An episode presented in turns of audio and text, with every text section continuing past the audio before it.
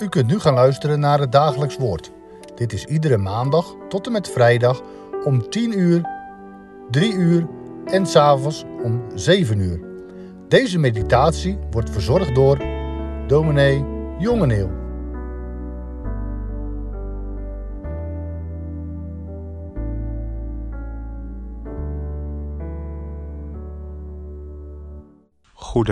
Goedendag luisteraars, welkom bij deze uitzending van vandaag van het dagelijks woord. Tekstgedeelte voor vandaag is Filippenzen 3, vers 12 tot en met vers 16. Ik lees dat aan u voor, Filippenzen 3 vanaf vers 12. Daar schrijft de apostel Paulus niet dat ik het al verkregen heb of al volmaakt ben, maar ik jaag ernaar om het ook te grijpen.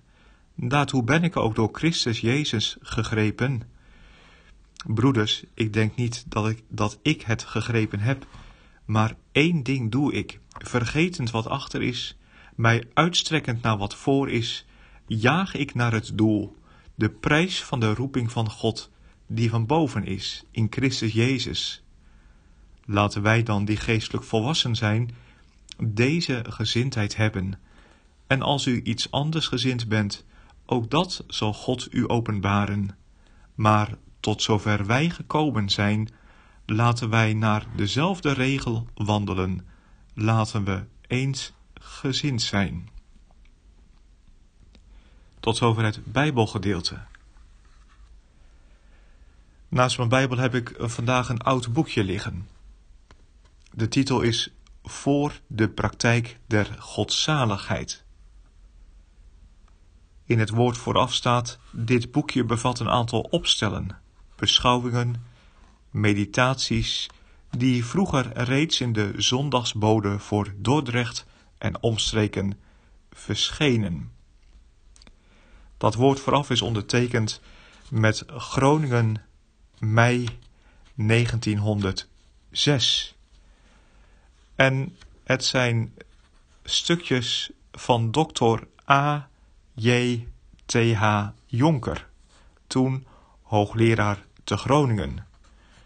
We zullen maar zeggen, de man van dominee Wegink, waarop hij promoveerde, veel studeerde en regelmatig over geschreven heeft. En uit dat boekje ga ik u wat voorlezen.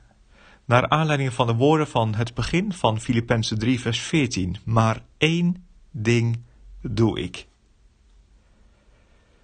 Het volgende komt daar dus uit. Een Romeins keizer moet op zijn sterfbed gezegd hebben: Ik ben alles geweest en dat alles is niets. Is er geen kans dat wij ons leven met een droeve variant op deze wanhoopsklacht zullen moeten eindigen, zuchtend: Ik heb van alles gedaan en dat alles blijkt tenslotte niets te zijn?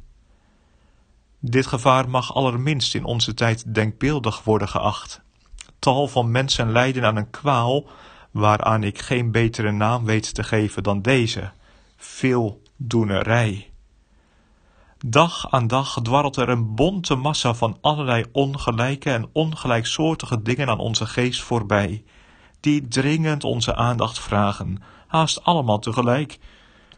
Ze komen tot ons als een leger van verplichtingen, waaraan we ons niet mogen onttrekken, en die ons bijna geen tijd laten om ons te wijden aan dat ene, aan dat ene, aan dat grote, dat wij onze levenstaak leerden noemen. Meedoen dan maar. We mogen niet anders. We durven niet anders. We willen niet anders. We kunnen misschien niet anders. Van de morgen tot de avond klaarstaan voor iedereen en voor allerlei. Een woest gejaag van het een in het ander en onderweg de kracht verliezen, met de ene daad de andere afbreken, wanneer zo'n vluchtig gefladder althans nog een daad mag heten, en met al die dingen samen afbreken onszelf. Geen wonder dat zo'n gejaag ons moe maakt. O, zo moe.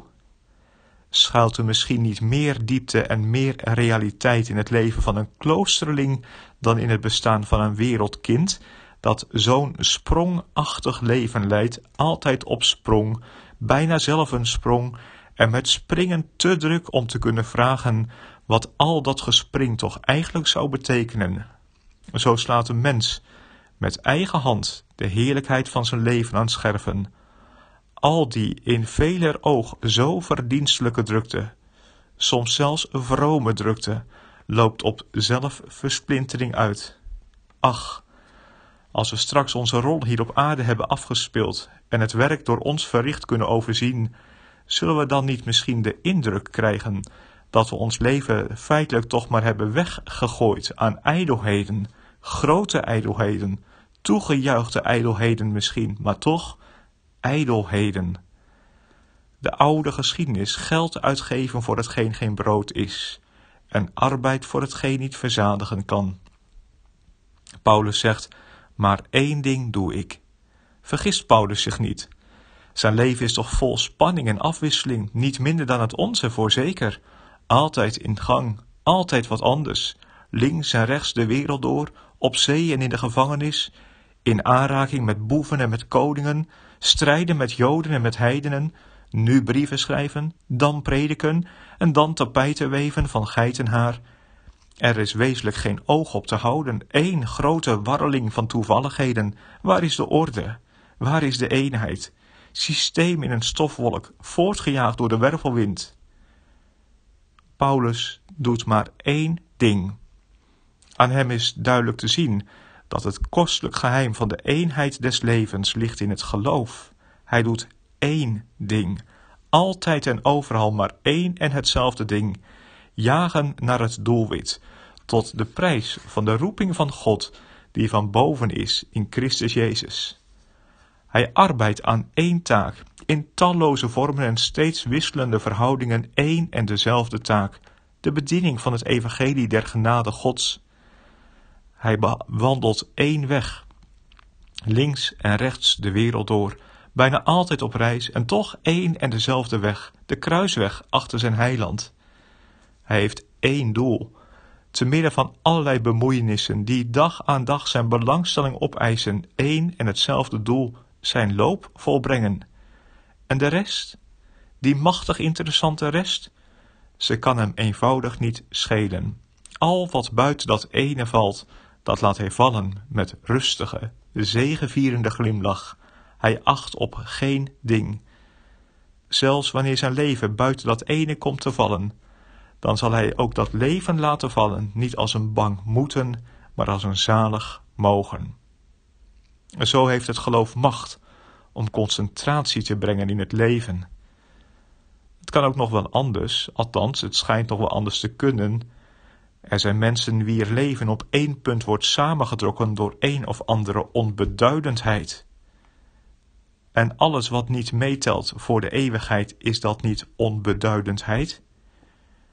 En wat vermag ook niet een zondige hartstocht, bijvoorbeeld eerzucht, een concentratie ten dode. Als ik zeg één ding doe ik, en dat ene is een slechtheid, ach, dan wordt alles in mijn leven slechtheid, verderfenis. Het geloof alleen heeft macht om concentratie ten leven in het leven te brengen. Buiten het geloof versplintering, verwarring, vermossen van kracht, altijd zichzelf willen herroepen en zichzelf moeten herroepen. Nu dit, dan dat achterna lopen, ons moe lopen, ons doodlopen tenslotte. Maar door het geloof, alles samengevat tot één grote toewijding, tot één grote trouw, tot één grote verwachting. Het geloof is maar niet een reusachtige accolade van vroomheid, om een allemanschading van eigenwilligheden en toevalligheden heen getrokken. Het brengt organisatie in ons leven. Het is een levensbeginsel waaruit al het andere opbloeit en opgroeit in verborgen samenhang.